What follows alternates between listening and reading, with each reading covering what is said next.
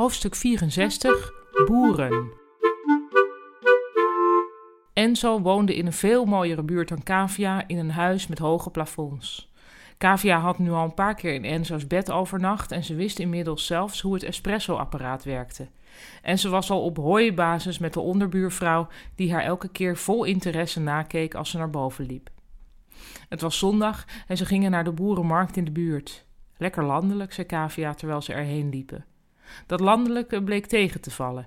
Er waren helemaal geen boeren, alleen maar mannen met baarden die vergeten aardperen verkochten en een draadloos pinapparaat hadden. Ook werden er ambachtelijke worsten verkocht en dronk men champagne. Bij een kraam met kastanjes zag Kavia ineens Harmjan staan met een rugzak. Hé hey Harmjan, zei ze. Harmjan schrok. Dit is Enzo, zei Kavia, mijn, um... Ik ben haar harige wederhelft, zei Enzo plechtig. Kavia glimlachte.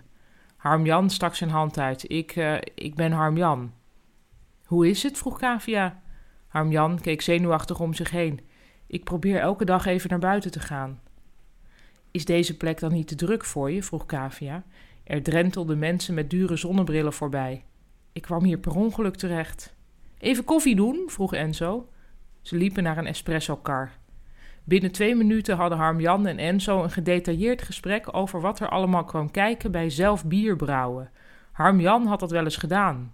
Enzo had er wel eens over nagedacht. Kavia had Harmjan nog nooit zo ontspannen gezien. Pas toen de dure zonnebrillen weer naar huis gingen om vergeten aardperen te koken, namen ze afscheid. Leuke jongen, zei Enzo over Harmjan.